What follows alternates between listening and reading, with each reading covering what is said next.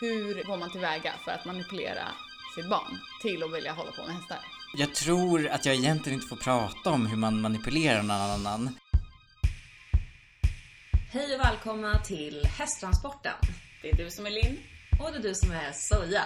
Nu kör vi! Nu kör vi!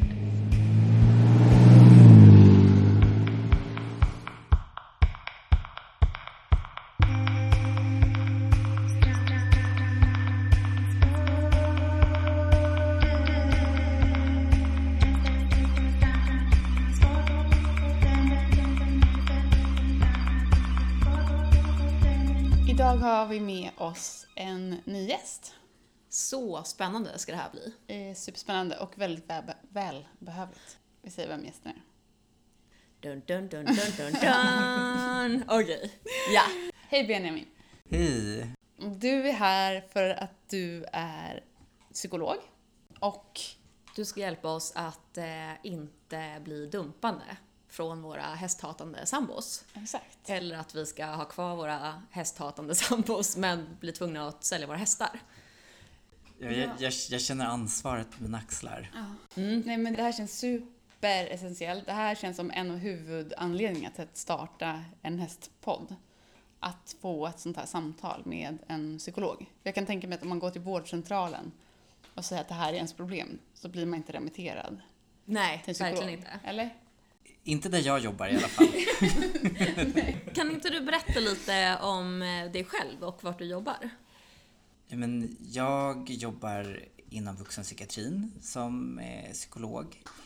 Eh, Det innebär att jag både utreder patienter, alltså för att se om de har någon typ av diagnos eller på vilket sätt vi kan hjälpa dem på bästa sätt. För det vet man inte alltid. Människor som mår dåligt kan ju ha ganska ja, men olika typer av symptom. Det är som ett slags detektivarbete.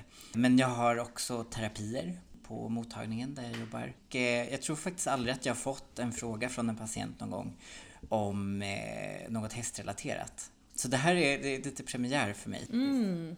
Ja, men det känns ju superkul att få eh, premiärprata med dig om eh, hästrelationsproblem. Precis. Eh, och då pratar vi inte om problem med relationen till hästarna. Nej, Den utan är precis. super. Den Den, är super. alltid på topp. Utan relationen som eh, är då eh, till andra än hästen. Då vill säga partners, eh, vänner och så vidare. Mm.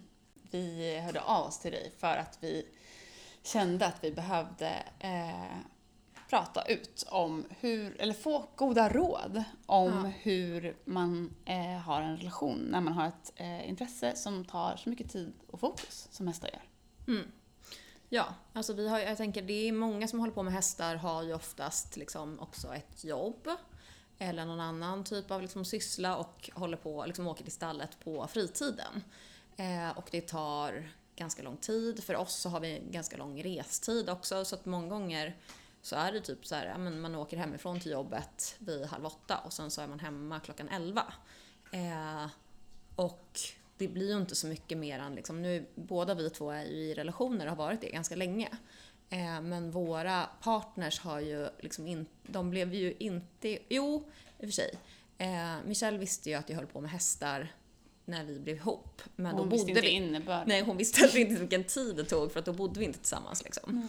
Ehm, men för Navid har, liksom, har ju, han blev inte ihop med liksom, en hästperson. Mm. Utan eh, det Den dök upp. blommade ut på Ja, nytt. precis. Hur, hur ska vi göra för att inte bli dumpade?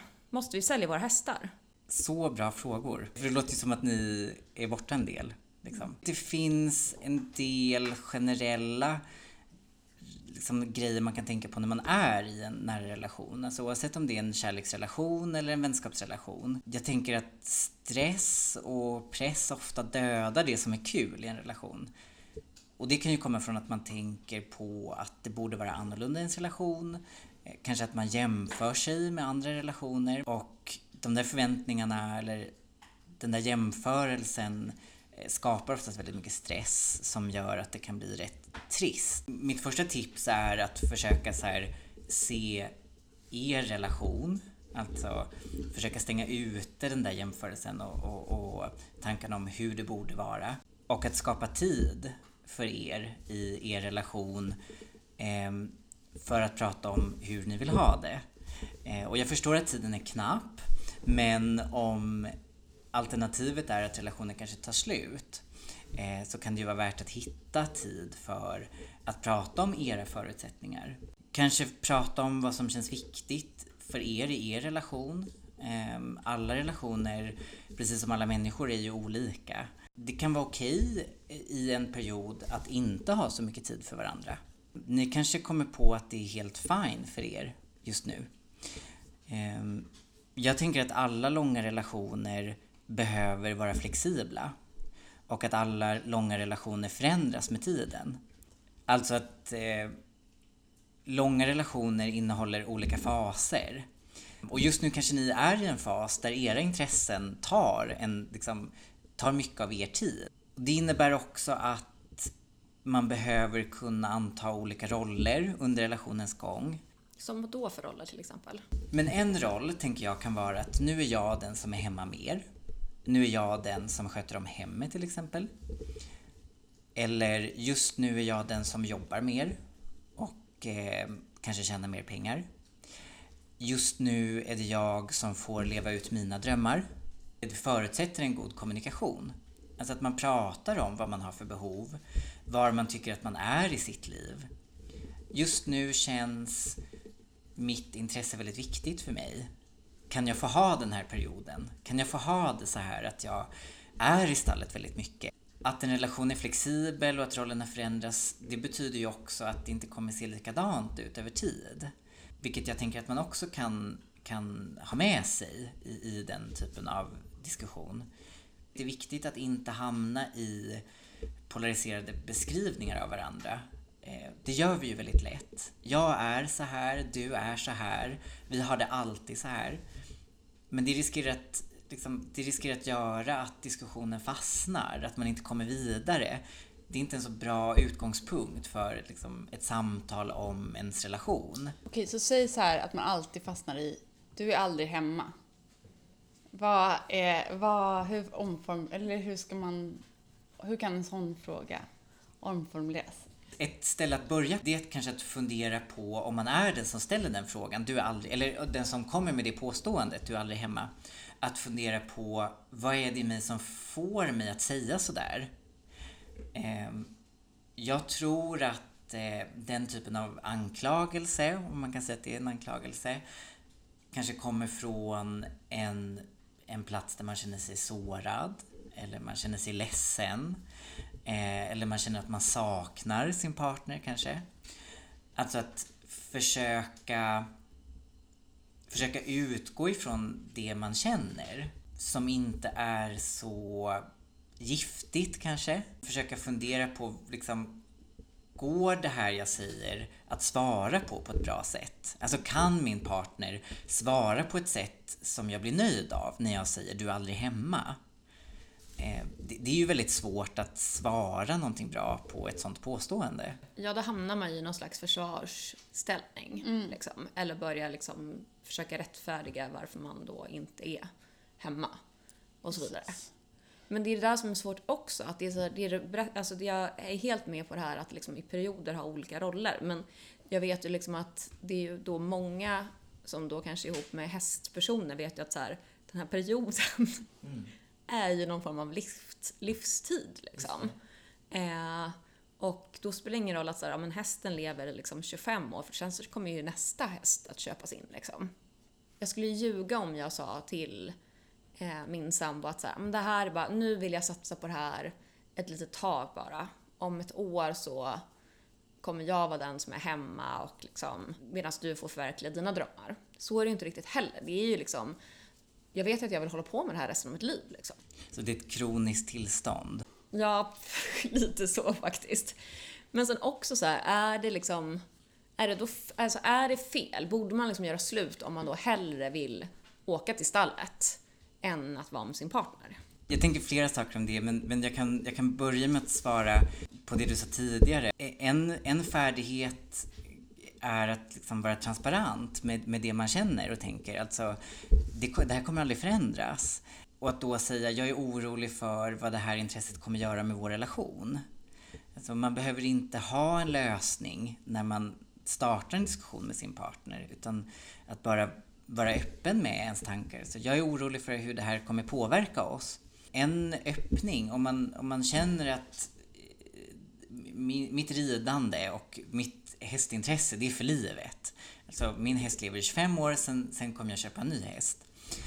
Då kanske det kan vara hjälpsamt att fundera kring liksom, vad har man för gemensamma mål. Och, då menar jag inte mål kanske som i prestation eller som någonting man vill uppnå, men vad är viktigt för oss? Där vi kan enas. Alltså vad är vår minsta gemensamma nämnare där vi ändå hittar någonting som är gemensamt? För att inte fastna i den här polemiken. Och för många människor så är det att man vill ha ett bra liv, kan jag tänka mig. Alltså där kan man i alla fall enas. Vi vill ha ett bra liv. Och så utifrån det kan man försöka gå tillbaka och se liksom på vilka sätt tycker vi att vi liksom kan ha ett bra liv. Men sen till din fråga om, om, om det är fel eller om man borde göra slut. Jag kan inte ge ett svar på om, om det här hästintresset är rätt eller fel, tyvärr. Det kanske vore kul om jag kunde det. Men jag börjar tänka i banor av skuld när jag hör, hör den frågan. Det är ju en känsla som har fått, eller som har ganska dåligt rykte.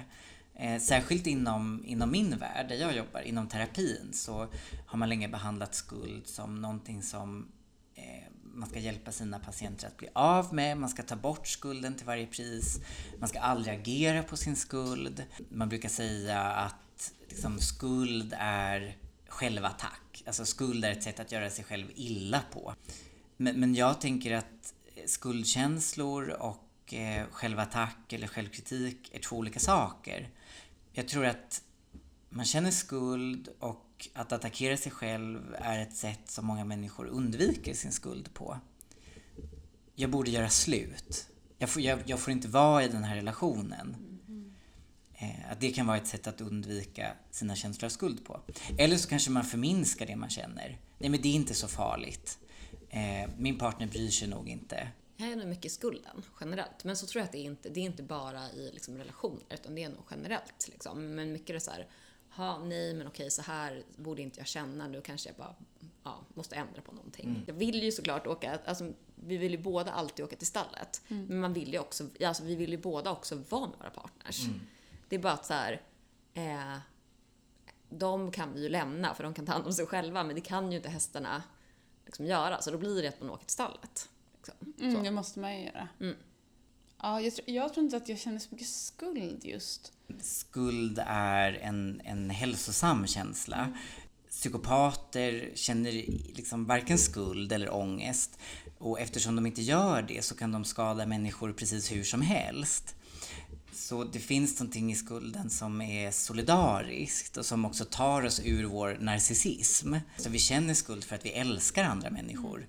Och skulden säger åt oss att reparera en relation eller fundera över hur våra relationer är. Vad har jag gjort mot de här personerna? Det behöver inte betyda att man ska fastna i ett liksom, självattackerande eller en, en självkritik. Men, men att, eh, att, att fundera över hur ens relationer är, vilket ju i sig är någonting hälsosamt och positivt. Okej, så det betyder att vi Jag är, är narcissist och Nej, du inte är det. Nej, jag tänkte precis säga att det betyder att bara för att vi ens liksom har kommit på att prata om det här i ett poddavsnitt så är vi inte psykopater. Okej. Okay. Men du tyckte att du var narcissist Jag tänkte att jag sa påstå att jag inte kände skuld. Eh, men okej, okay, absolut. Avsnittet är beviset. Ja. Eller så är du lite psykopat. Lite psykopat. Lite psykopat. Liksom ett sätt att eh, hantera sin skuld är att bara undersöka hur det är. Vad får den mig att vilja göra? Vad får den mig att vilja göra för att bli av med skulden? Och jag tror också att det är en träning i att liksom kunna känna flera känslor samtidigt och tänka flera liksom, tankar samtidigt. Att det kan också vara väldigt fint att ha större utrymme för mer komplexitet i sitt liv. Det är mitt svåraste. Mitt absolut svåraste. Att ha, ha flera eh, känslor och tankar samtidigt när jag är då, då i relation till det här ämnet, då blir det som att så här, äh, nu vill jag ju vara i stallet. Och då blir det som att så här, ja, då, då är du oviktig för mig. Eh, att jag har svårt att liksom hålla eh, idén om hur viktig min partner är. Samtidigt som jag kan vara hemma och ha det jättebra med Navid och då känna så här att det här är så viktigt. Liksom. Jag, måste, jag, jag måste fixa massa, massa tid till det här. Den liksom, hur gör man ens det? Att liksom klara av och hantera två situationer samtidigt. Ett sätt kanske är att säga det som du just sa till den personen du tänker på. Mm.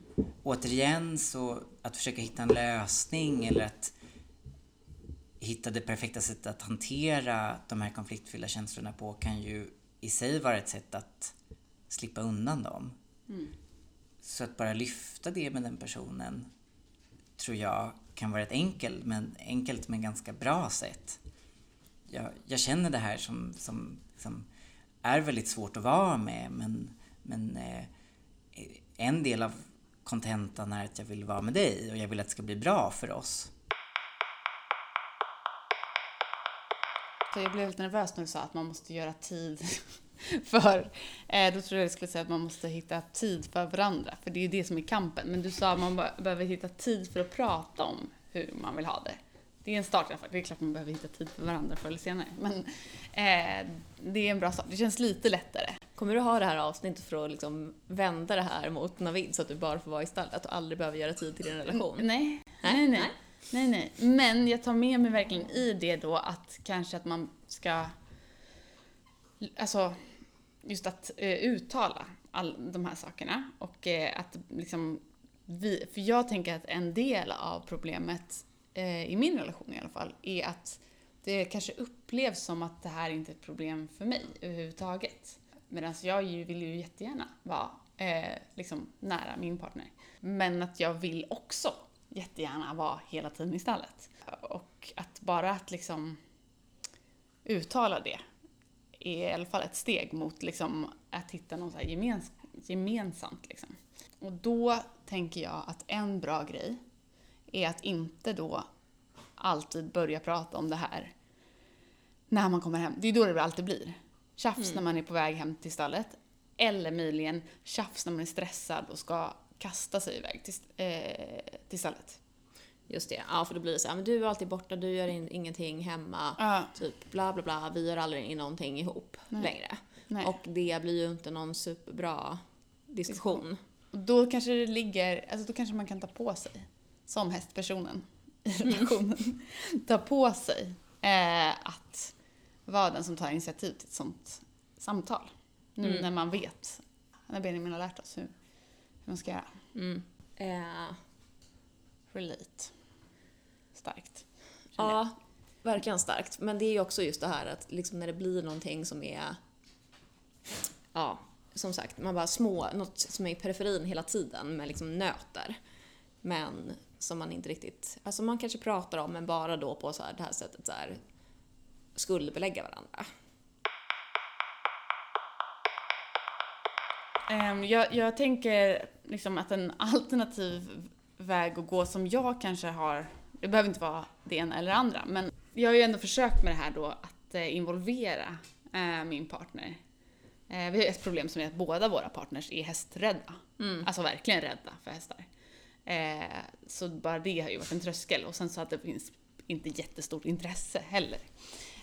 är en annan tröskel. Men vad tror du om den strategin? Att försöka liksom visa vad det är som är så glädjefyllt. Liksom. Om man, jag, jag blir lätt så. Om jag tycker att någonting är kul och bra, eh, det, då vill jag liksom prockla det på andra. För att jag, och jag tror att faktiskt att det är typ av generositet. Det är inte att jag vill att alla ska göra som jag av princip. Utan det är för att jag tänker så här, det här är en underbar upplevelse. Det här borde du också få vara med om. Och så kan jag ha lite svårt att förstå att alla har inte samma relation till det som jag. Men att, ja, vad tänker du om den liksom strategin? Jag tänker att när man funderar på att involvera ens partner i en stora intresse så ska man fundera på om man verkligen vill det. Ja, för det där tänker jag också. Jag, har ju liksom, jag skulle ju jättegärna vilja att Michelle liksom var med i stallet, hon kunde så här borsta lite häst, hon kunde vara peppande coach. Eh, höja och sänka lite hinder, följa med på tävlingar, vi skulle kunna liksom åka med hundarna, hästarna. Men sen så är det ju det här med att hon är livrädd. Hon har ju bara blivit mer hästrädd sen vi har blivit tillsammans. Och tycker ju typ så här, alltså hon skulle ju säkert kunna följa med någon annan till stallet. Men absolut inte följa med mig för att hon har typ noll tillit eller att- att jag ska liksom skydda henne från hästarna för att hon tycker att jag är liksom så här. Ja, men för att jag är såklart så insnöad och orädd och så vidare så jag kan liksom inte se hennes rädsla. När man har ett jättestort intresse som man kan väldigt mycket om. Jag tänker att det kan också vara ganska svårt för en partner att komma in och tycka att det är kul när man är liksom så här, eh, inte kan så mycket. Alltså det sätter ju också andra krav på relationen. Och jag tänker att där kan det också så här, jag helt klart vara relevant att ställa den här frågan, så här, vill jag verkligen ha min partner här? Eh, svaret är kanske ja, om ens partner var lika duktig som en själv och kunde lika mycket. Men kanske nej, annars. Man måste ju också där någonstans säga, okej, jag var ju heller kanske inte en superpedagogisk liksom, person. Alltså för då måste man ju också vara den biten. Alltså det blir ju en annan del i ens relation. Det blir inte såhär, oh vad härligt vi är bland hästarna, la la la la, här springer vi runt på ängar, nakna, ja, jag vet inte, med hästarna. Ja, whatever. Eh, eh, ja, det blir något, helt klart något annat när man tar sin relation till stallet. Ja, just det, också. man blir pedagog i... Ja, alltså jag tänker det kan också göra att ens liksom, partner får se sidor av en som inte alls vill visa heller.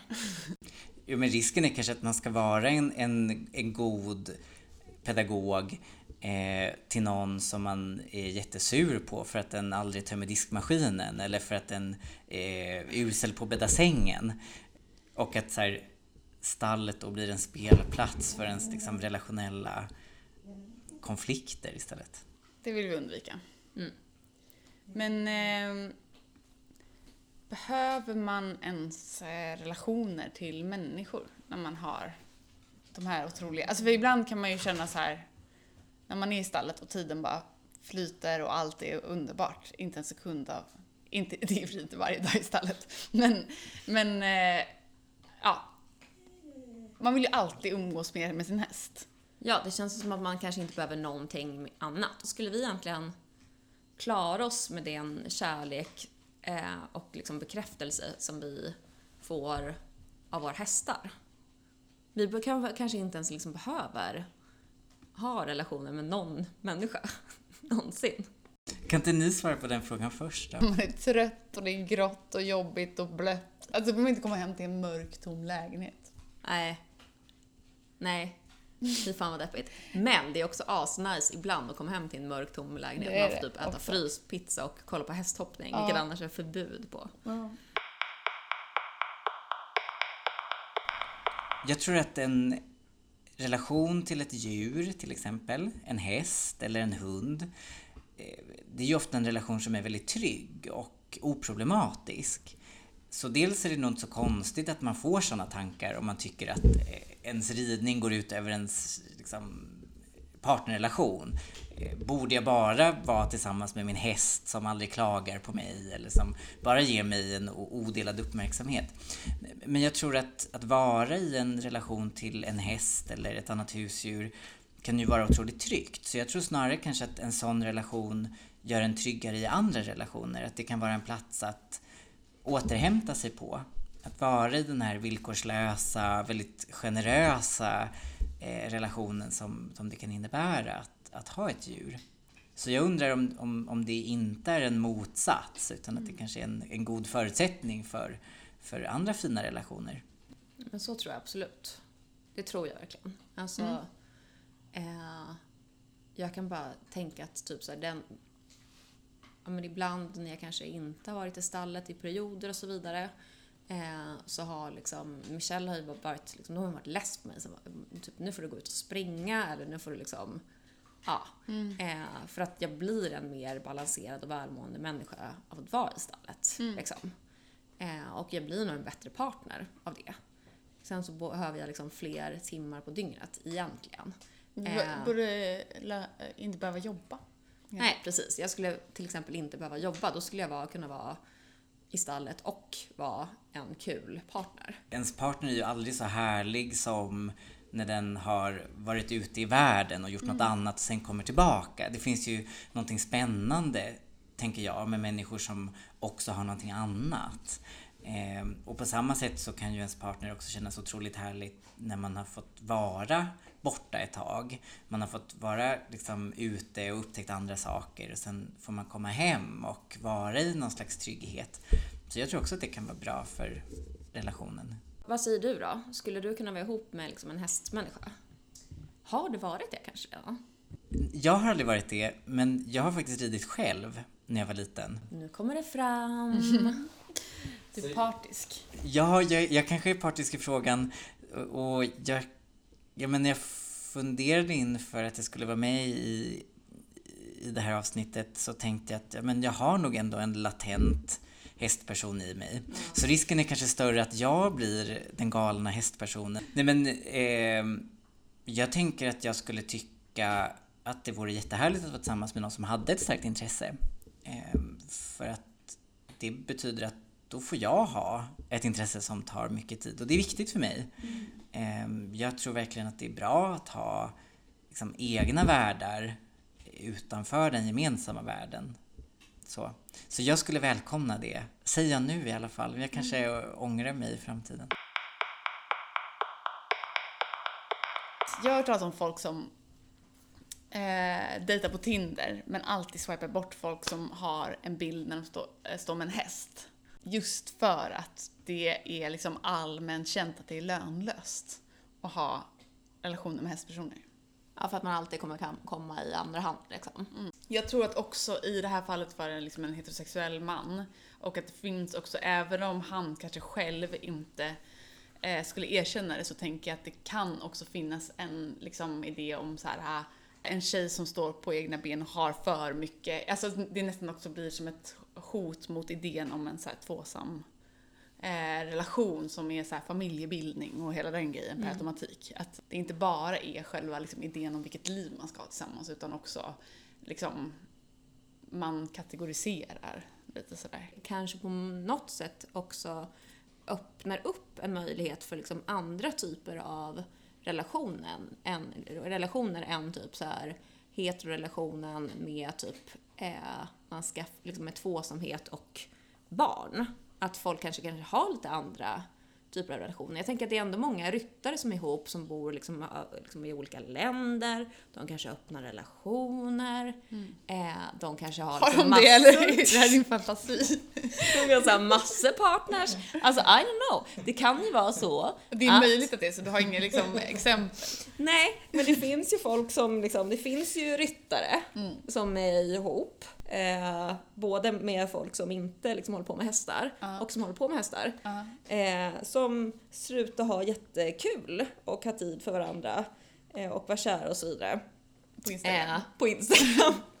Men de kanske liksom det kanske är så att de har öppna relationer. Mm. Det kanske är liksom helt annat. Liksom. Att det är så att om man skulle granska hästvärldens relationer så kanske de är så mycket queerare och öppnare och eh, inte alls så tvåsamhetiga och normativa. Det är ett fält för framtida forskning. ja, verk, verkligen. Det blir en, det blir en doktorsavhandling.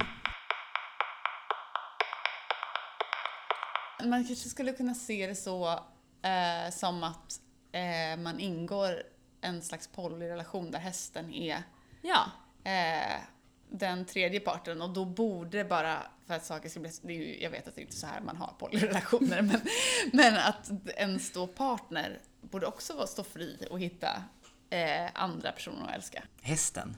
Nej, alltså ens eh, män, mänskliga partner. Hästen får också ha, Hästen hitta också andra, andra relationer. Nej men ens eh, mänskliga partner då eh, har, kanske borde få eh, större frihet att eh, utforska andra relationer samtidigt, parallellt.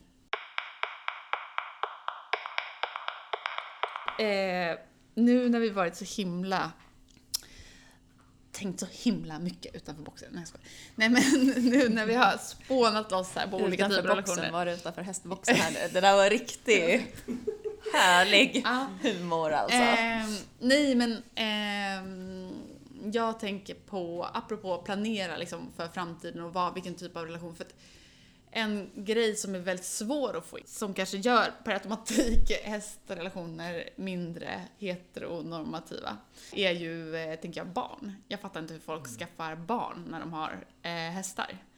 Det känns ju närmare till hands att mitt sto skulle bli dräktigt än att jag skulle bli dräktig. Ja, jo absolut. Gud att du blir dräktig, det låter så Ah, obehagligt. Föla. Ja. Eh, Usch. Benjamin vrider och vänder på sig här på stolen nu. Det var inte det här jag signade upp för. Den här typen av bilder. Du Linn har ju sagt en gång att du skulle kunna tänka dig att ha barn om du fick en garanti att det skulle bli en eh, ponnyunge. Ja, absolut. Men då måste den också födas som typ eh, i alla fall sjuåring. Ja, Det är lämpligt svårt. börja rida ålder. Ja, exakt. Men det Ja. finns ju många liksom kids som eh, jag kan låna.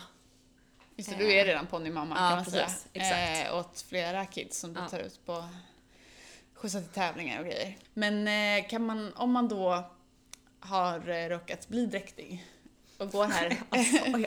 Alltså, så... Vad, hur, om man då absolut vill att det ska bli en ponnyunge, hur går man tillväga för att manipulera sitt barn till att vilja hålla på med hästar? Jag, tr- jag tror att jag egentligen inte får prata om hur man manipulerar någon annan. Finns det liksom, är det emot psykologlegitimationen? Kan du bli av med den då? Ja, det skulle nog kunna bli anmäld i alla fall. Vi har ju sådana yrkesetiska regler. Men jag kan kanske ändå svara på frågan. Så jag, jag tror att barn generellt inte gör så mycket som deras föräldrar säger, utan mer som deras föräldrar gör. Det är inget problem med det här. Nej precis, jag tänker att ni har goda förutsättningar för att eventuellt få då barn som kommer älska att rida eller bli ponnyungar.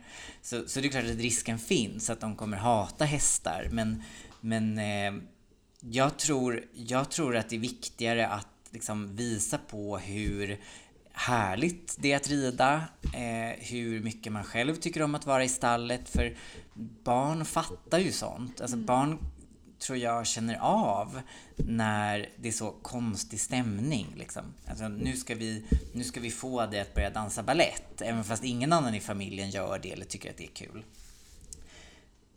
Och jag tänker att man, man kan ju fundera på vad ens egna föräldrar har tjatat på att man ska göra eller tycka om eller vem man ska umgås med. Ofta, för mig i alla fall, så är det ju sånt som jag inte alls har velat göra. Ehm, Det finns, det finns en sån där forskning kring att barn som börjar läsa tidigt och som har en, liksom en, en, eh, en härlig relation till läsning har vuxit upp med mycket böcker hemma. Och det kan ju finnas många olika förklaringar till det, men jag tror just att en, en del av den förklaringen är att man har läst mycket hemma, man har varit runt böcker ehm, och, och då blir det en naturlig del av ens liv. Så på samma sätt att vara med sin eller sina föräldrar i stallet, att, att se andra vuxna njuta av, av ridning eller vad det nu kan vara, är ett jättebra sätt. Att, så. Men jag tror inte man behöver prata om det så mycket, utan mer bara göra och, och vara i det på ett liksom, avslappnat och härligt sätt.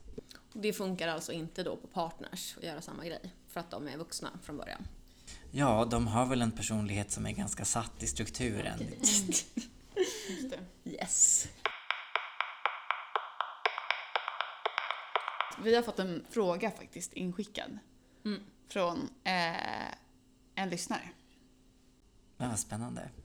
Som är ihop med en hästperson. som undrar eh, hur ska man hantera att man blir svartsjuk på hästen? Ja, alltså först och främst så vill jag säga, gud vad jobbigt. Det är ju fruktansvärt att känna sig svartsjuk. Det är ju, det är ju ingen känsla som är kul alls. Och ofta så är det ju inte bara så att man känner sig svartsjuk, utan ofta skäms man ju också när man är svartsjuk för att man, man känner någonstans att det är fel kanske, eller att man inte får känna så.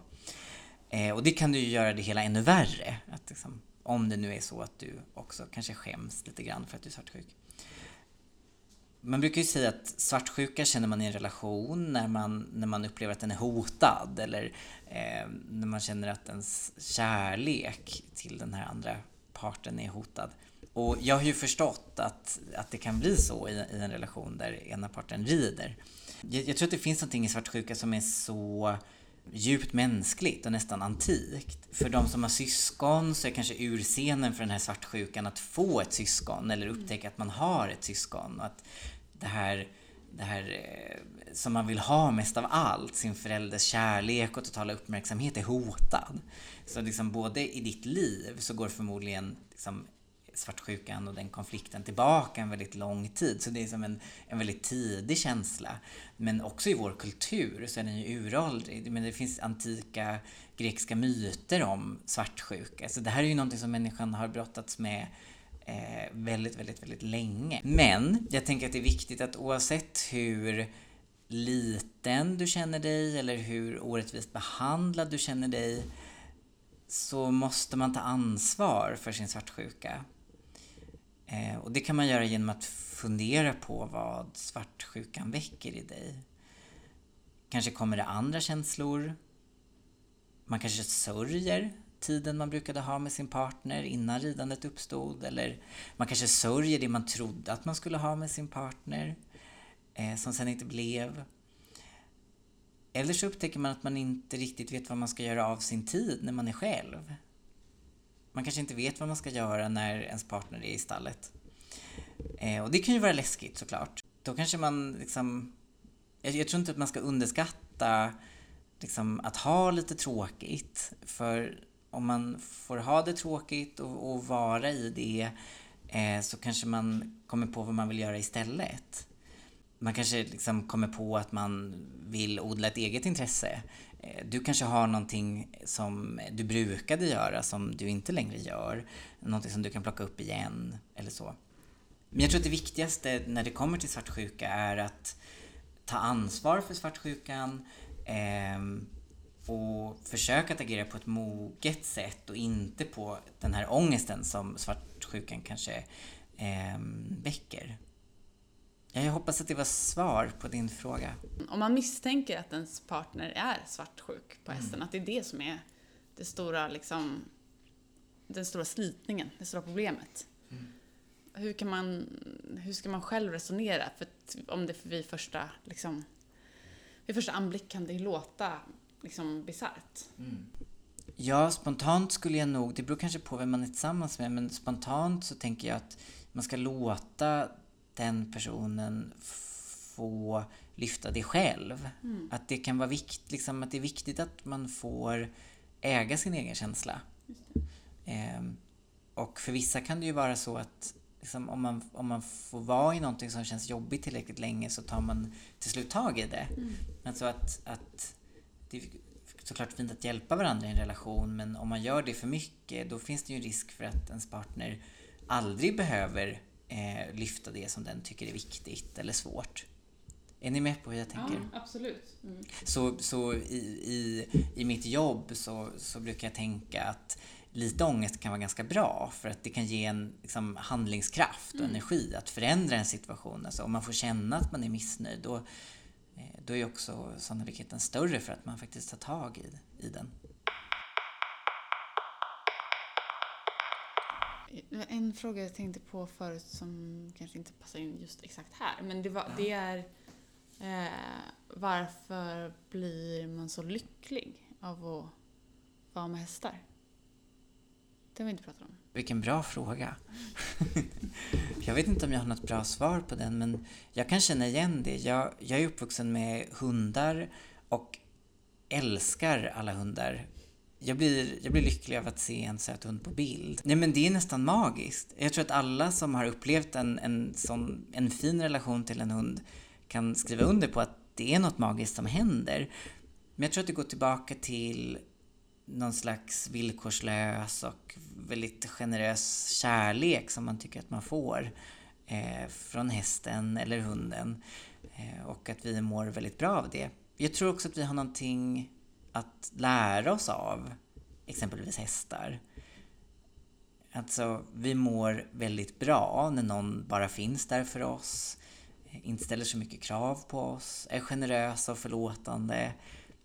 Det är ju sånt som liksom, vi kan ta med oss in i våra mänskliga relationer. Alltså, det mår ju alla människor bra av. Ja, verkligen. Att de kan få vara ett, ett liksom relationellt föredöme. Men det finns, det finns säkert någon forskning på vad som händer kemiskt i kontakten mellan mm, liksom, människor och andra djur. På något vis så, så kanske det finns en evolutionär aspekt. Jag menar, människor har ju levt väldigt nära djur under så lång tid. Vi har också varit otroligt beroende av djur. Alltså eh, för, för att sköta jordbruk eller för att vara liksom trygga eller för att eh, transportera oss. Så att det är ju verkligen en evolutionär fördel att tycka om att vara tillsammans med djur och att kunna hantera djur. Liksom. Så det finns säkert många aspekter av att vi blir så lyckliga av att vara tillsammans med djur. Mm. Jag blev så lycklig. Alltså Navid har ändå varit med i stallet en del. Han älskar ju, han är ju verkligen min stalledräng. För han, han, tycker, nej, han tycker det är jättekul att mocka. Mocka hagen ja. Mocka hagen är hans favorit. Speciellt när det inte är några hästar i hagen. Då går han och Koko, boven, och eh, mockar hagen i timmar. Men det var också så himla... Jag blev liksom otroligt berörd av en liksom, eh, dag när Navid kom, liksom, när vi var åkte hem från stallet och han var så... Nej men nu tror jag typ att jag fattar. Det är något magiskt, det är något helt övernaturligt typ i kommunikationen.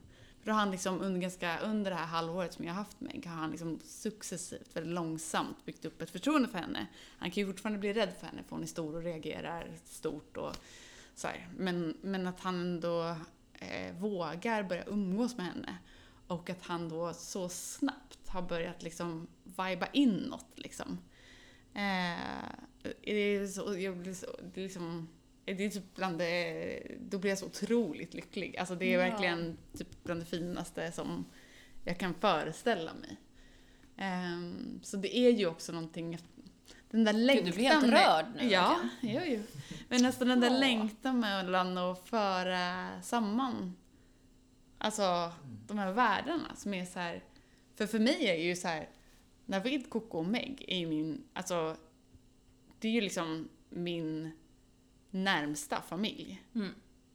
Och drömvärld. Och, liksom. Ja, precis. Ehm, och jag vill ju liksom hålla ihop den på något sätt. Jag tänker att det är något väldigt mänskligt i att vilja visa upp det som man själv tycker om väldigt mycket men också att andra ska få ta del av det. Det här gör mig jätteglad och det här ger mig en viss typ av känsla. Jag vill att andra ska få ta del av det också. Och jag kan nog känna igen mig i det du säger fast med vänner. Alltså om jag har två vänner som jag tycker väldigt mycket om men som inte har träffat varandra eller som inte känner varandra. När två sådana vänner ses och om man upptäcker eller när jag upptäcker att det finns någonting där, eller de förstår varandra, eller de tycker om varandra, så är det också en otrolig känsla. Liksom. Att, att det är både två världar som, som möts, men också att, ehm, ja, men att andra får ta del av det där som man tycker är så underbart. Och det kanske också finns en aspekt i det som är att när någon annan förstår liksom, vad man själv tycker är så fantastiskt, alltså att man det, det blir ju som en stund när man är lite mindre ensam. Alltså, att vara människa är ju i stort att vara väldigt ensam.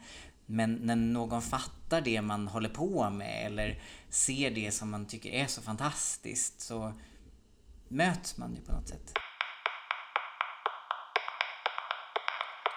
Vår kompis och hennes tjej har bråkat om eh, en, att en viss influencer som håller på med hästar, Hedin Karl, eh, har liksom kommit emellan eh, i deras eh, relation. Det liksom har varit ett konfliktämne att den här... Jag tänker att det är lite som att ta med sig jobbet hem när de här sakerna också börjar. För att jag tänker ju inte bara på hästarna jag har i stallet. Jag vill ju gärna kolla på häst. Nu hittar vi liksom, jag och Navid hittar någon så här mellan eh, vägar där vi kollar till exempel på ponnyakuten. Har du sett det? Nej. Nej. Men det är en serie på SVT som är, alltså jag tror att du skulle tycka att den var gullig. För den är helt underbar. Ja, den kollar jag jag och. Navid på till exempel. Eh, för att den är liksom, den innehåller fler parametrar än att det är hästar. Alltså huvudstoryn är ju inte hästen, utan huvudstoryn är de här ungarna som bara är helt otroliga. Eh, hur dedikerade de är till något intresse eller till en annan individ. Liksom. Alltså så här, Det är ja, väldigt charmigt liksom. Ja, familjen Eh, Hammarström familjen kollade jag och Hammarström- Michelle på också. Ja, Hon men älskar ju den. Ja, samma här. Familjen Hammarström som är en hästfamilj där, ja, de Reality-tv. reality-tv. Ehm, men jag vill ju också som du sitta och kolla på en hel eh, världscup cupsfinal eh, och eh, i två timmar. Eh, han ska vara glad att jag inte håller på med, alltså inte är lika intresserad av att kolla på ett helt, en hel dressyrfinal. Jag kollar ju ändå på hoppning, det går ju snabbare. Mm. Men eh, eh, det är ju, ja vad tänker du om det? Ska man sätta, var ska man sätta, måste man sätta gränser för sig själv? När, s- liksom, jag har ju också förbud att, säga H-Ä-S-T i alla chattar med kompisar jag har. Så att jag har börjat skriva H stjärna ST eller bara För att de är så HST för de är så du- trött på att höra om hästar. Så vart måste man liksom dra en gräns också för sig själv så här. Nu, precis som att man lämnar jobbet på jobbet, lämnar man hästen i stallet. Jag tror det, tyvärr. Ja, alltså jag hade också ett, det var ju också så här, eh, någon slags, det, det blev liksom droppen. Eh, det har ju som sagt varit ganska stökigt hemma hos eh, oss eh, ett tag. Eh, även fast vi liksom har jobbat hemifrån båda två och så vidare. Men det, är också, det blir stökigare när man jobbar hemifrån. Hur som helst så har tvättmaskinen i stallet gått sönder. Eh, och där tvättar jag vanligtvis liksom väldigt mycket. Liksom. Eh, hästgrejer hela tiden. Saker och ting blir svettiga. Men då var jag tvungen att ta hem eh, schabraken för att tvätta dem. Men sen så hade jag hängt upp de här schabraken på tork på våra liksom, köksstolar. Eh, varpå då Michelle, dåligt morgonhumör, går typ så här ja, rakt in i liksom stolen eh, som det hänger ett schabrak på och liksom tappar det och bara ah, inte nog med typ allt annat så har du dina jävla sadlar hemma också. Eh, och då jag bara okej, alltså började såklart asgarva. Men det är också typ så här okej, absolut, jag ska inte ta hem mina schabrak. Men det är också helt stört att jag så här är ihop med en person som tror, som inte ens vet vad liksom En sadel är. vad en sadel är. Nej. Eller typ kan säga såna grejer. Det är också typ så här. Okej, vi har helt olika världar. Liksom.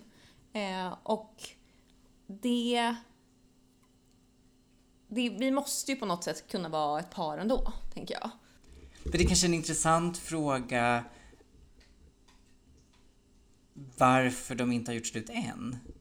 Åh nej, det är så... Alltså, vad, vad, vad, vad, är det som, vad är det som gör att era partners fortfarande är tillsammans med er?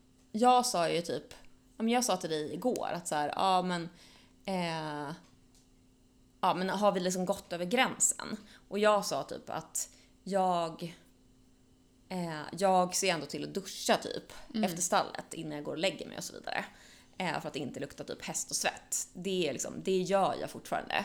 Och du var typ såhär, va? Jag brukar inte duscha. Jag går och lägger mig. Det är Om jag, inget problem. har, om jag inte liksom ska på ett möte dagen efter så gör jag inte det.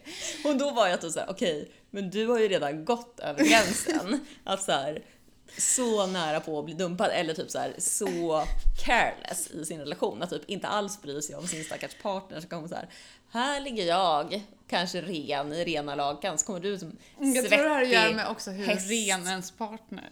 Vad man har för duschkultur hemma. Så, så man ska satsa på att bli tillsammans med någon med ganska... Samma renlighetsgrad som en själv. Det spelar ingen roll så mycket vad man blir smutsig av. Okej. Ehm, Nej, det är det, min, alltså, det är det minsta problemet. Okej, psykologen, vad säger du? Hur ofta man ska duscha. Nej. Eh, men är inte det här lite en, liksom, ett, liksom en liten varning att man inte tar supermycket hänsyn till sin part, partner?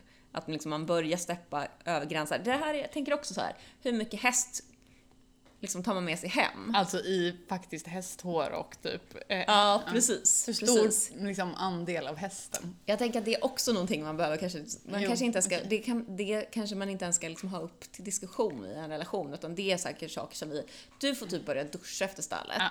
Jag ska inte liksom tvätta alla mina 70 schabrak hemma och Nej. liksom hänga dem i hela lägenheten, för Nej. de luktar ju fortfarande häst. Liksom. tror att vi kommer slippa bli dumpade nu. Ja, eh, jag hoppas det i alla fall. Annars kanske jag har gjort ett dåligt jobb. Ja. Nej, men jag tänker att det, det är ju liksom, någonting har gjort att ni inte har blivit dumpade än. Det. det har bara gått ett halvår av att jag ägt Meg. Och jag bara gillat hästar igen i ett, ett och ett halvt år. Just det. Så det, det finns gott om tid. Och göra bort sig. nej. Men, eh, nej, men det är sant. Vi är så otroligt älskvärda. Måste vara det. Men eh, mm, jag tänker att vi kanske också... Jag tänker att man kanske också är lite inspirerande för en partner. Apropå det du sa, att man, det kanske är roligt att vara ihop med någon samtidigt. Även om det liksom till vardags kanske kan kännas liksom lite så här, åh, vart är du någonstans? Eh, man känner sig bortprioriterad. Men man är också tillsammans med en person som har eh, som ser till att ägna sig åt någonting som skapar värde i livet. Och att det är ju också, tänker jag, en styrka att ha en sån partner. Ja, jag tänker också se det att folk som är ihop med personer som har ett väldigt starkt intresse har ju oftast liksom många egna intressen själv och liksom kanske inte skulle heller palla att ha, vara ihop med någon där man ska göra allting tillsammans hela Nej. tiden. Alltså jag vet att så här, var, det skulle, jag skulle absolut inte palla vara tillsammans med en sån som jag skulle göra allting med.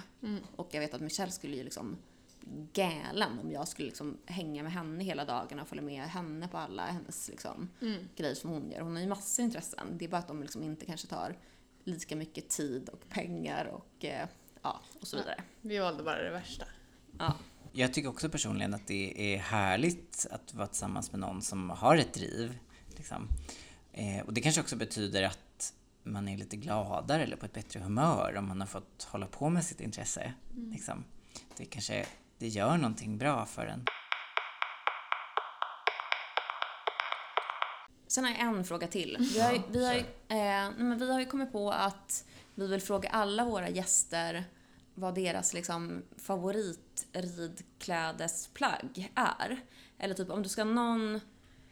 Om du ska något ridplagg eller rid, ridkläder till vardags, vad skulle det bli då? Ridstövlar tror jag. Berätta mer. Har du, har du ridstövlar? Nej, men jag hade en period under gymnasiet när jag hade ett par ridstövlar i läder som jag tyckte jättemycket om. Och de hade jag på mig då och då. Ehm, så Jag tänker Eh. verkligen att du skulle passa i ridkläder. Det kanske är dags att börja hänga i stallet bara på grund av det. Exakt. Men ska vi avsluta nu då? Så kul att ha dig här. Du har lyssnat på Hästtransporten med Soja och Linn. Vi vill avsluta med att tacka Michelle Hammenfeldt för vår fantastiska logotyp. Och Nucci för den specialgjorda musiken i podden.